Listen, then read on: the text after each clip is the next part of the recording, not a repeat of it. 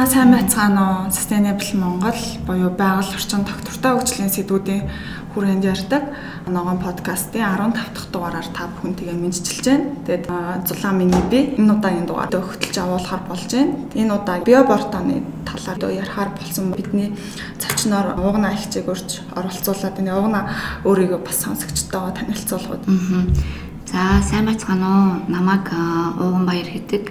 Яг энэ биобордоны талаар бол 2011 онд Америкт сурж байхдаа биологийн ухааны магистр зэрэг хамгаалсан. Тэрэн дээрээ судалгааны ажил маань бол дахианы сангаснаас гаргаж авсан бионүрс ашиглан хөрсний үржил шимийг сайжруулах уул уурхаагаас болж доройтсон газрыг хүн сэргээх гэсэн сэдвээр одоо судалгааны ажил хийсэн байгаа. Тэгээд энээсээ хойш бол дараа нь 14 оноос хойш 2014 оноос хойш бол өөрөө бас бие дагаад үнсний хаягдлаараа чиг буланыг ашиглаад бас бордо гэрийн нөхцөлд бас туршаад судлаад явж байгаа.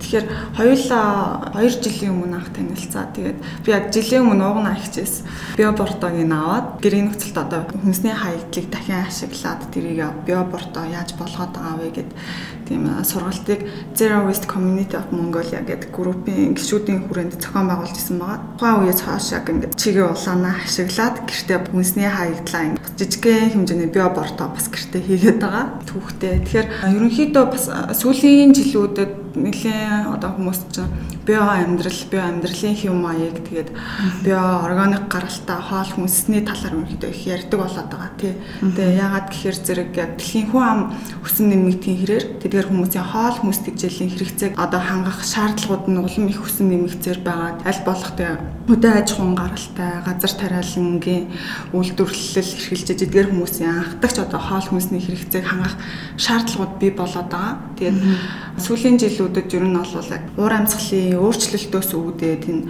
эдэж ууж байгаа хоол хүнс тэжээлийн асуудлууд бий болоод байгаа. Тэгээд яг дэлхийн нийтээр яг нэг одоо газар тариалангийн тэр талбайгаас авах ургацын хэмжээ багасаад тэгээ дээрэс нь гадаргын болоод хүний ус хомсдоод хүнсний үржилт шимэн муудаад зүлжилт их явагдсны хэрээр одоо идж байгаа хоол хүнснийхээ одоо хэрэгцээг хангахад хүртэл бас хүндрэлтэй болж ирээд байгаа.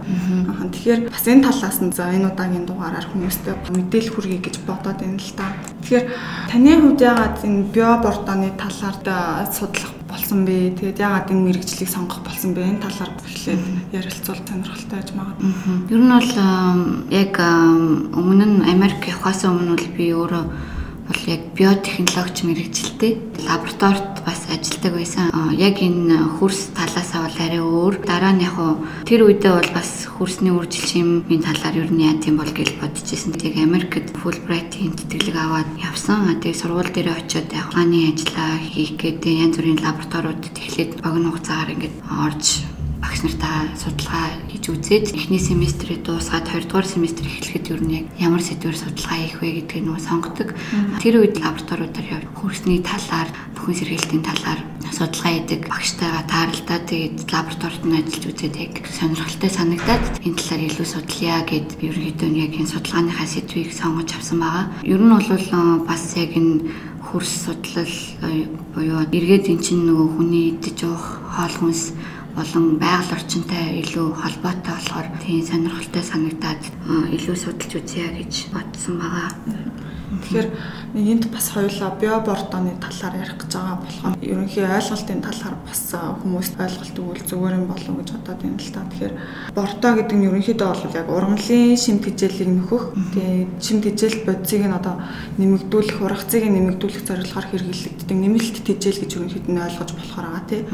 Тэгээд дотор болохоор органик гаралтай, органик бус гэж хоёр хуваагаад байдаг. Органик гаралтайд нь болохоор малын өвтөг бууз, өндөгний хальс хоол хүнсний болон хүнсний ногооны хаягдлууд үүнд ороод идэг байгаа. Органик бус гэдэгт нь болохоор химийн гаралтаанууд ороод байгаа гэж миний хувьд ойлгоод байгаа зөв. Тийм.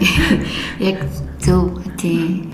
Яг ингээд хүрээлэн буу орчинд үзүүлэх нөлөө, хүний эрүүл мэндэд үзүүлэх нөлөөл сөрөг тал ач холбогдол зэргийг хоёулаа ярилцаад явъя гэж бодоод байна л да. Тэгэхээр химийн гаралтай бордооны талаар за тэгвэл органик гаралтай бордооны талаар та одоо мэдээлэл хүргэж. Зүгээр судалгааны явцад олж авсан мэдлэгээс одоо ярихад бол химийн гаралтай бордоо нь бол ер нь аль алийг нь бол одоо хэрэгэлдэг, хэрэгжилж болно. Гэтэ яг нь химийн гаралтай бордооноос үүдэлтэй байгаль орчинд иргэд зүрэг нөлөөлсөн тийм жишээнүүд зөндөө байд юм билий. Одоо жишээлбэл одоо азот фосфорын бордоо ч юм уу те эн чинь нөгөө синтетик аргаар гаргаж авсан байгаль дээр өмнө нь бас яг байгаль дээр бол байгаагүй юу одоо синтетикээр гаргаж авсан байгаа. Энийг одоо их хэмжээгээр ашиглахаараа хөрсөнд ингээ нэмээд өгнө. Нэмснийхаа дараа бороо ороод услага хийгээд яхаар чи нөгөө доошогоо гличит буюу одоо урсц үүсдэг. А тэр урсц нь болохоор илүү одоо азот фосфорын агуулмж өндөртэй. Тэр нэргээд гол цөөрөм рүүгээ ингээ нийлээд голын ус нэргээд нуур одоо тэр азотыг нэмэгдүүлээд ирэхээр одоо жишээлбэл замаг одоо их болно. Тэгээд замаг их болохоор тэнд байгаа. Тэгээ нар тусах нь багасаад ирэхээр нөгөө тэнд байсан нөгөө зааснууд чинь хангалттай хүчил төрөх юм авч чадахгүй ч юм уу тий болоод заагсаас их хэмжээгээр өгөх янз бүрийн байгаль орчинд сөрөг нөлөөтэй тиймэрхүү жишээнүүд бас гард юм бэлээ. Органик бортаны хувьд бол энэ тал нь бол харьцангуй гайгүй. Тэгээд органик борта маань бас дотроо бас янз бүр байгаа л да тий ямар төрлийн бодис ямар төрлийн одоо анхдагч бодис ашиглаж одоо бордоо хийсэн гэдгээс хамаарат бордооны шинж чанар өсөнд үзүүлэх нөлөө гэд бүх юм нь одоо өөр байгаа. Миний одоо судалгаа хийсэн бордоо бол жишээлбэл одоо био нүүрс одоо дахианы сангасыг агааргүй одоо хүчил төрөгчгүй нөхцөлд 300-аас 500 градуст ингээ халаагаад аа тэгээд тэндээс ингээ био нүүрс гаргаж авч байгаа хгүй. Тэгээд био нүүрс нь болохоор өөрөө одоо яг юм нүүрс шиг тийм хар өнгөтэй аа тэгээд дотроо юм маш их нөхсөн үхтэй.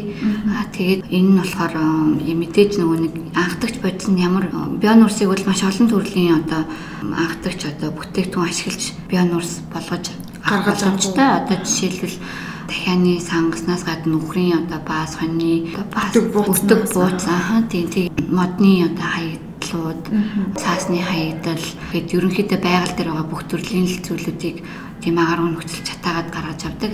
Тэр анхдагч бүтээгдэхүүнийхаа шин чанараас хамаарат эцсийн бүтээгдэхүүн маань бордоо маань бас өөрөө янз бүр болно.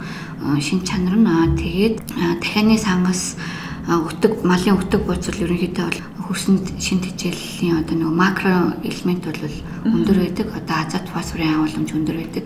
Тэрнийхээ ирээр бас эцсийн бүтээгдэхүүн азот фосфорын агуулмж өндөртэй. Дээрээс нь бол өөрөө юм нөхсөв ихтэй болохоор бас ашигт микроорганизмуудыг бас тэнд одоо үүр нь болоод те амьдрах нөхцөлийг бүрдүүлэх тийм нөхцөлийг бүрдүүлэх тийм боломжтой. Дээрээс нь нөгөө хөрсний ус шингээх чадвар гэж байдаг байхгүй. Тэр нь болохоор бас өөрийнх нь органик нэгдлээсээ бас хамаарна. Ус шингээх чадвар гэдэг нь болохоор одоо энгийн үгээр тайлбарлах юм бол хөрсийг ингээд услаад байхаар зарим хөрс шууд ингээд доошоогоо нэвчээд яваад өгдөг шүү дээ. Услахад а зарим нь бол ингээд усаа өөртөө ингээд шингээж аваад байдаг. Усаа өөртөө шингээж авах нь бол сайн.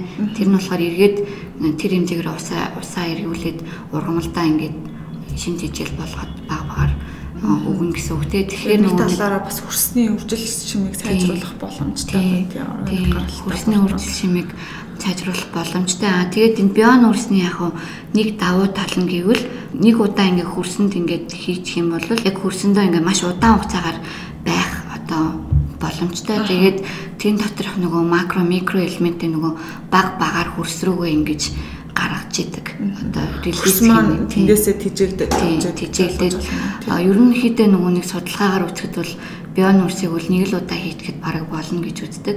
А гэхдээ яг нэг сул тал нь бол бион нүүрс маань бол хөрсний органик одоо органик матер гэдэг чинь тий. Органик одоо тэр хэсгийг бол одоо ялцмагт чанар гэж одоо монголоор хэлж байгаа. Ялцмагт чанарыг бол нэмэгдүүлэхгүй.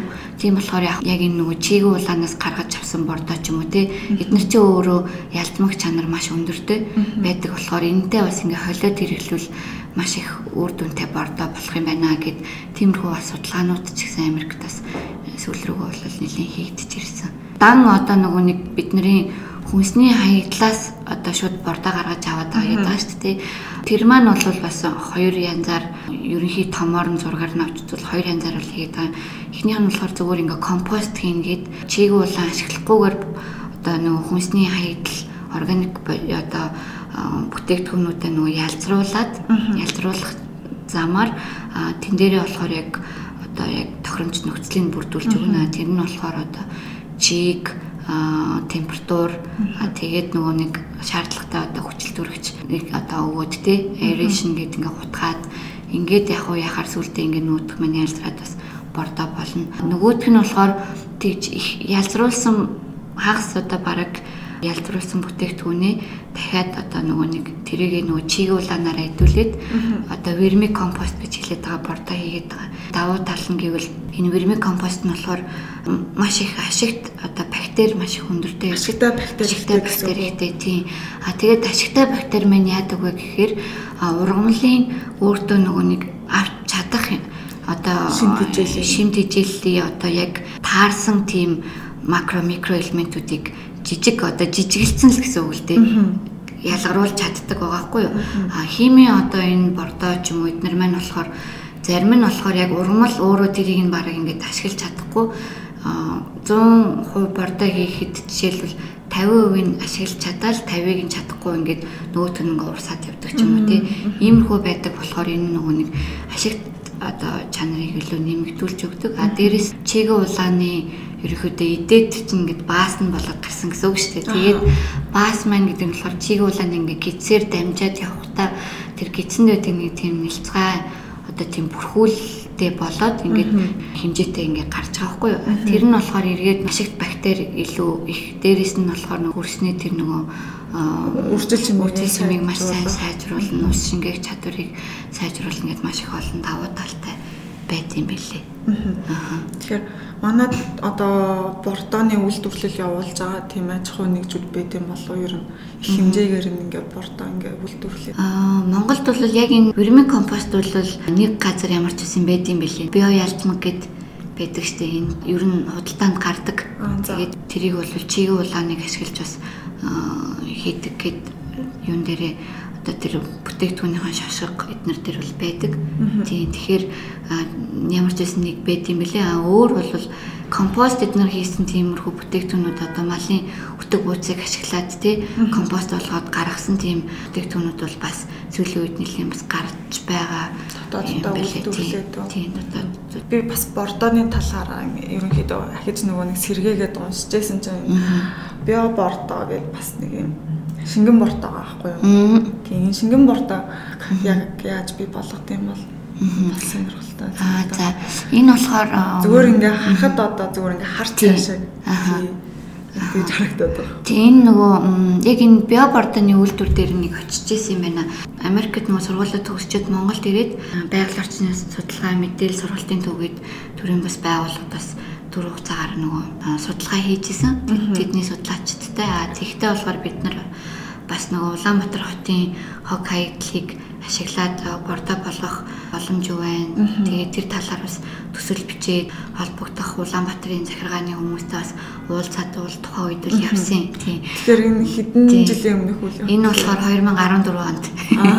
Тийм. 3 4 жилийн өмнө. Тийм 3 4 жилийн өмнө. Тэгээд чи улааныг ашиглаад би бордо болгоо үед бол бид нар судалж яхад бол Улаанбаатар хотод бол хоногт бол дунджаар 300 тонн хүнсний хаягдал гардаг гэсэн тооцоо байсан. Тэгээд энэнийг бол ашиглаад бас ийм бордо болгох боломжтой юм байна гэд судалгаа хийгээд бас явж исэн.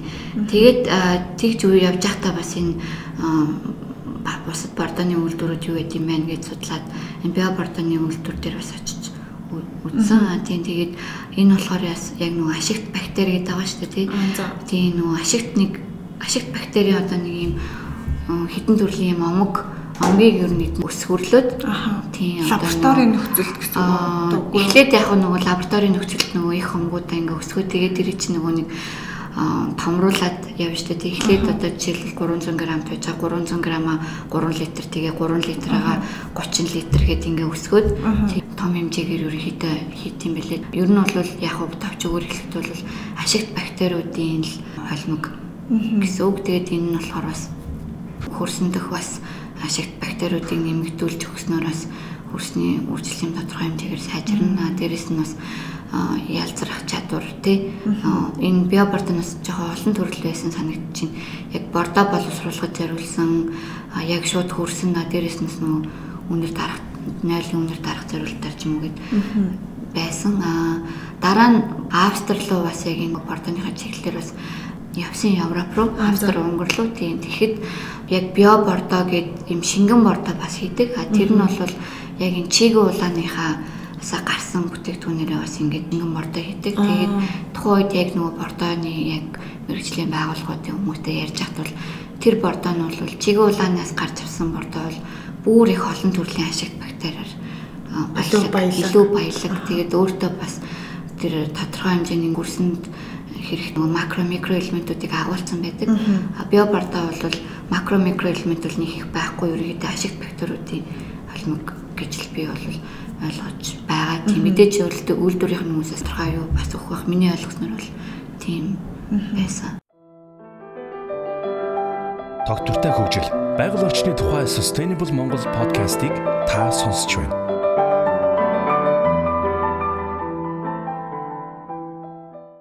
Тэгэхээр одоо айлууд хөвчлэн бас нөгөө өөрсдийнхөө хэрэгцээний үндэсний ногоо бас тариалаад байдаг те гэрийн хашаанд ч гэх юм уу газар тариална. Тэгэхээр одоо жишээ нь энгийн хүмүүс одоо бид нэр шиг хүмүүс яг бордог яг яаж нөгөө нэг өөрсдөө одоо эрүүл одоо бидний эрүүл мэндэд цөрөөнөлөл багтаагаар ашиглах боломжтой вэ? Одоо гарын доорх материалыг ашиглаад бид нэр бас яаж энэ бордог ингэж ашиглах боломжтой юм бол бий болгох гэх юм уу? Аа. Ер нь бол Дээрээс нөгөө химийн гаралтай бордоо ч одоо био бордог бодвол одоо одоо үн өртгийн хувьд бас нэлээд бага үнэтэй байгаад идэх тийм. Тэгээд бид нэр чинь бас боломжоор за тэгвэл энэ арай хямдхан юм байна гэд химийн гаралтай бордог ин авчдаг ч юм уу. Био бордог ин авах гэхээр арай жоохон үнэтэй байгаад идэх ч юм уу. Энэ талаар та бас нэг зөвлөгөө хэлвэл. Би бол яг яг химийн бордоо аав эсвэл био бордоо аав гэж зөвлөж чадахгүй тийм. А яг химийн бордоо бол ер нь бол яг гадаадд бол Америкт жишээлбэл ингэдэм бэлээ. Аа яг ингээд газар тариалан эрхэлдэг ч юм уу эсвэл ингээд ташаандаа юм тарьдаг хүмүүс хөрсний дээж аваад хөрсөө шинжилүүлцдэг. Лабораторид лабораторид нь яг тухайн хөрс нь яг ямар шин чанартай байна. Одоо ямар одоо макро элемент хөрсний одоо элемент дутагдaltaй байна гэдгийг гаргаж өгөөд тэгээд ямар одоо бордоогоор бордуул зүгээр байна одоо гэдгийг ингээд зөвлөмж өгд юм билээ. Монголд бол яг тийм үйлчлэгээ бол одоогор бол байхгүй байгаа. Мэдээж бол хөрсний бол дээжийг нь шинжилгээгээр бол гаргаад өгчин яг зөвлөгөө бол арай өгчдөггүй хаад хөрсний бас нэг чухал юм нь болохоор cation exchange capacity гэдэг энэ байгаа. Энэ болохоор нөгөө нэг яг нэг үгээр хэлэхэд бол хөрсний тухайн хөрс маань өөртөө хэр их хэмжээний одоо элементийг шингээж авах чадвартай вэ гэдгийг гаргаж хэлж өгч байгаа юм л да. Тухайн хөрс маань өөрөө жишээлбэл 500 мг ч юм уу тий 100 мг ч юм уу юу чинь тийм макро микро элементийг одоо миллиграм per литр ч юм уу тий нөөц бололцоог бололцоог ингээд гаргаад өгчөхөд тэрнээс нь илүү ихийг ингээд хийгээд байхад бол тэр хичнээн хийсэн ч гэсэн илүү ихийг өөртөө шингээж хүлээж авч чадахгүй л гэсэн үг. А тэгэхээр тэр нөгөө илүү гарсныгаа бол шууд ингээд урсгаад гаргацдаг байгаа. А тийм тэгээд тийм болохоор яг тэрэнд нь тохируулаад яг ямар бордоо авахыг нь бол зөвлөдөг. Органик бордоо бол ихэнх органик бордоо маань бол хүний биед бол болон байгаль орчинд бол сөрөг нөлөө бол багтаа гэдэг нь бол батлагдаад ерөнхийдөө бол гарсан. А дээрэс нь яг нэг юм жишээ хэлэхэд бол Европод Бордоны одоо үйлдвэрлэдэг компани хүмүүстэй ярихад бол тэгчээс ерөнхийдөө нөгөө Европод бол одоо эргээд энэ органик газар тариалан органик бордоо яг энэ органик одоо ямиг илүү их одоо энэ чиглэл рүүгээ буцаад ингээд маш их орж байгаа гэж хэлжсэн. Европ маань бол өөрөө яг ингээд 1960 80 оны үед бол маш их хэмжээний химийн бордоо ингээд ашиглаад газар тариалан бол эрчимтэй хөгжөөд ингээд урмал тариад тэ явж байсан гэж тэгжсэн. Тэгээ эргээд тэрнийх нь одоо үр дүн ингээд байгаль орчин орчиндөө ингээ гараад ирсэн ирж байгаа. Одоо тэгэнгүүт тэр чинь байгаль орчинд ингээ сөргөөр нөлөөлөөд эсвэл нөгөө газар нь ингээд ямар ч үржил шимгүй болоод химийн бордоо маш их хэрэглээд исэн чинь сүултээ ингээд ямар ч үржил шимгүй болоод дээрэс нь тэр хүрс гэдэг маань өөрөө нөгөө амьд юм шүү дээ тий.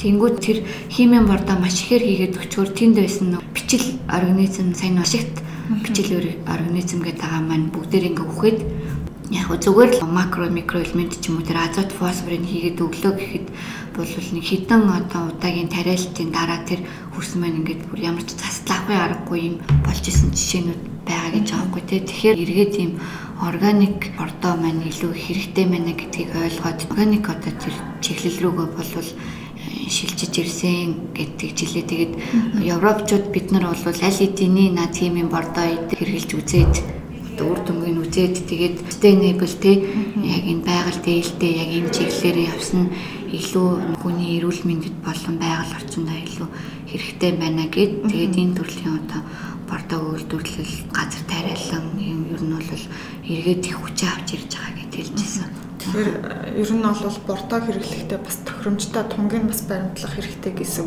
болж байгаа шүү дээ нэг талаараа. Би бас сонирхоод нэг асуулт асуух та. Одоо ойн сангаас биобордоо хийх боломж бололцоо байд юм болов одоо ойн санд байгаа одоо хаягдал модны үртэс тэгээд түлш гэх юм уу. Одоо ойн цэвэрлэгээ хийх замаар биобордоо хийх боломж бололцоо ирээд юм бол манад энэ төрлийн үйл ажиллагаа хийд юм болов уу? Боломж бол байгаа. Бордооны маань нөгөө харьцаа гэж байгаа хгүй нөгөө нэг орц найрлаг гэдэг шиг. Тэгээд энэ харьцааны бараг 50% нь ерөнх нүүрс усны төрлийн одоо бүтээгдэхүүнүүд хийх хэрэгтэй. Энд нь болохоор одоо модны зомгол модны модны үрдэс аа тэгээд навчтэй хатсан навч гэдэг чинь дандаа л ойгоос гарах боломжтой юмнууд тэгээд ер нь л ойгоос гарах бүх төрлийн бүтээгдэхүүнүүдийг болол бордонд ашиглах боломжтой. Энийг болохоор нөгөө нэг малын хөтөг бууц юм уу те тэр нөгөө азотын тийм агуулмж өндөртэй юуднуудаа холиод тэгээд бордоо бол хийдэг. Угаасаа найрлагын нэг зөв тохируулж ич эргээд энэ маань зөв зохистой бордоо болдог. Америкт бас нэг судалгаа хийж байгаа нь болохоор яг нөгөө хөрснийх нь хэв шинж одоо нас хамаарат яг тэрэнд нь тохирсон нөгөө тохирсон юм гэдэг шиг яг тохирсон бордоонуудыг бас хийх тийм судалгаануудаас нэлээх хийгдэж байгаа юм билээ.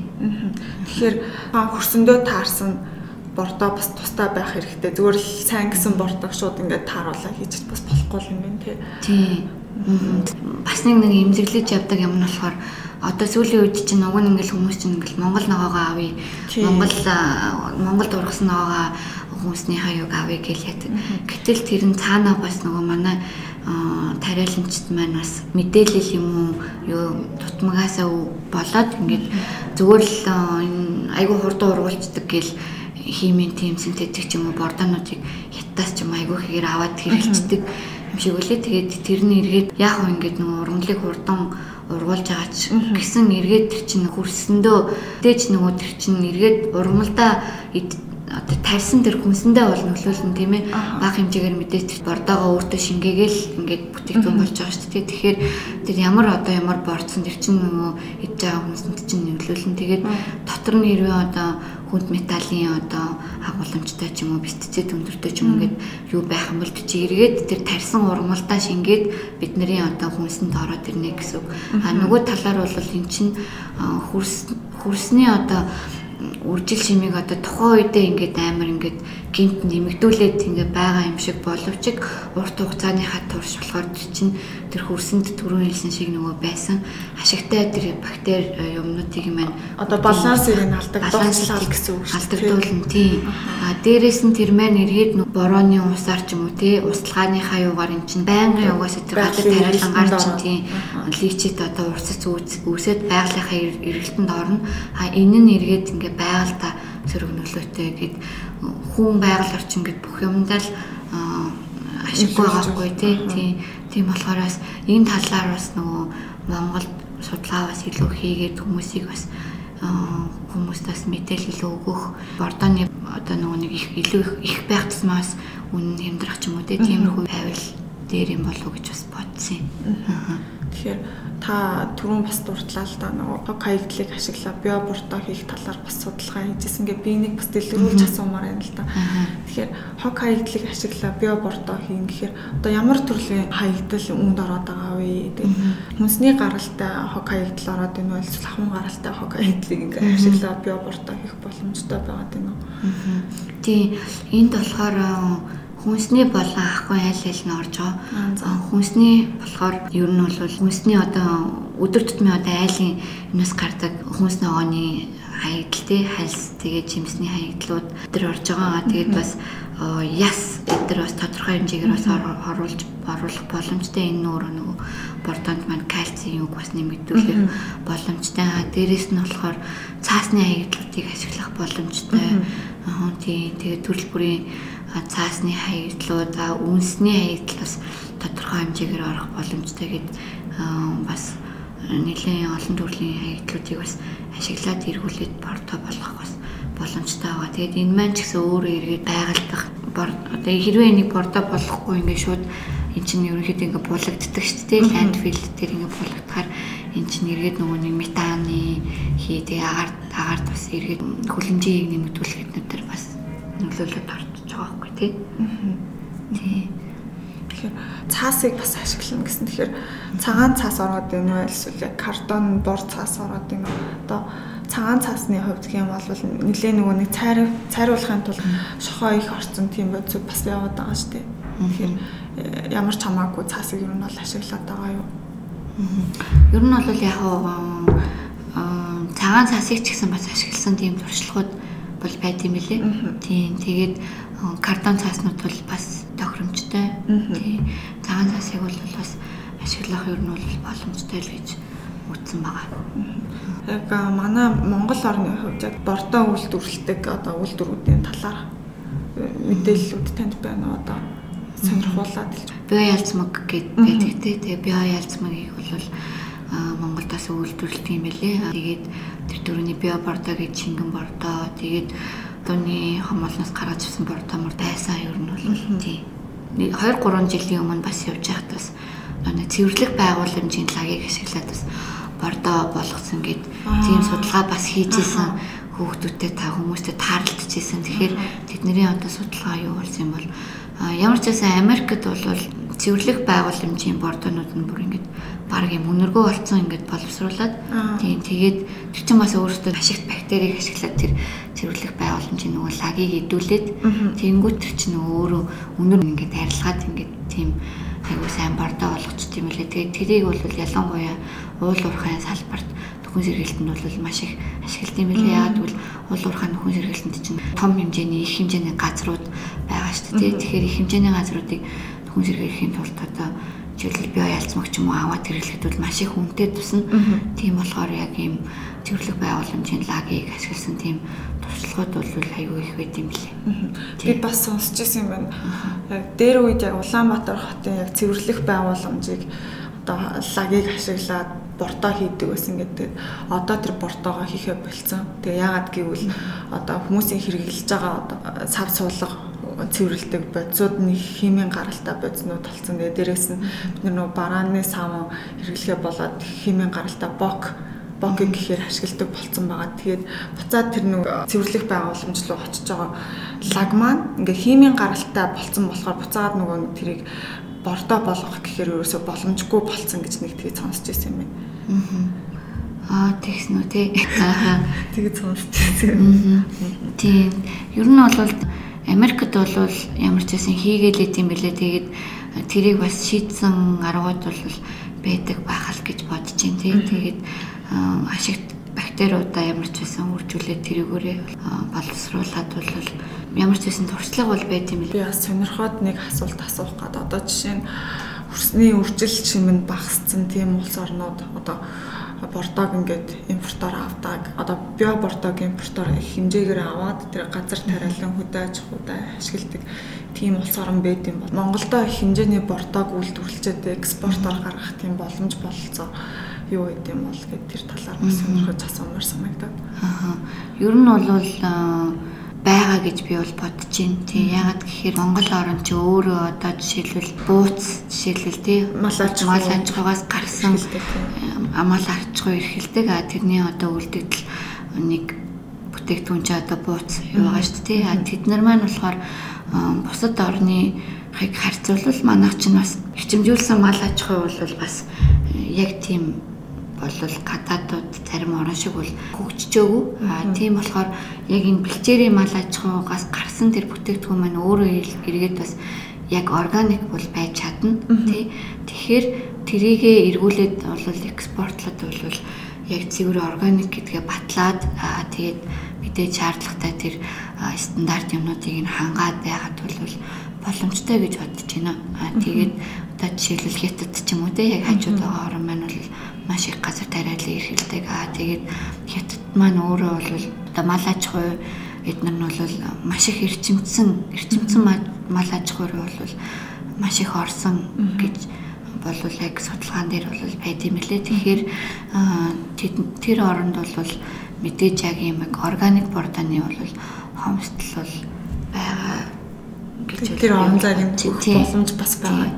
Мал аж ахуй эрхэлдэг манай орны хувьд яг малын одоо өтөг бууцыг ашиглаад тэгээд био бордоо хийгээд тэрийгээ тэгвэл гадагшаа экспортлох бас тийм боломж байгаа юм байна. Тэгээд бизнес талаас нь харж байгаа хүмүүсийн бол бас энийг ашиглаад тэгээд ногоон бизнесийг эхлүүлэх бас боломж байгаа тийм тий.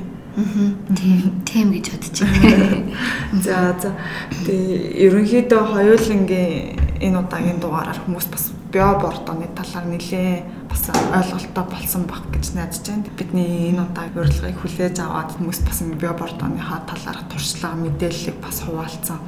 Угнаад маш их баярлалаа. За баярлалаа. Тэгээд урьж оролцуулсанд аа, баярлалаа. Сонсогчдоо хэлэхэд бол ер нь бол одоо хүнсний ногоо тариалах газар тариалан эрхлэгтэй бас аль болох зөв зохистой бордоогоо ашиглах тий эргээд тэр маань байгаль орчинд нөлөөлөх үү эргээд хүнсэнд маань ямар нөлөө үзүүлэх вэ гэдгээ бас бодож иж шийдвэр гаргаасай гэж бодож байна.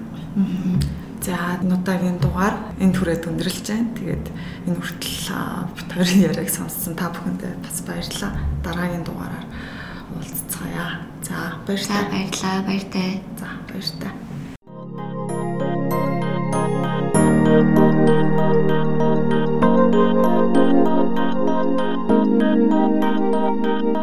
you.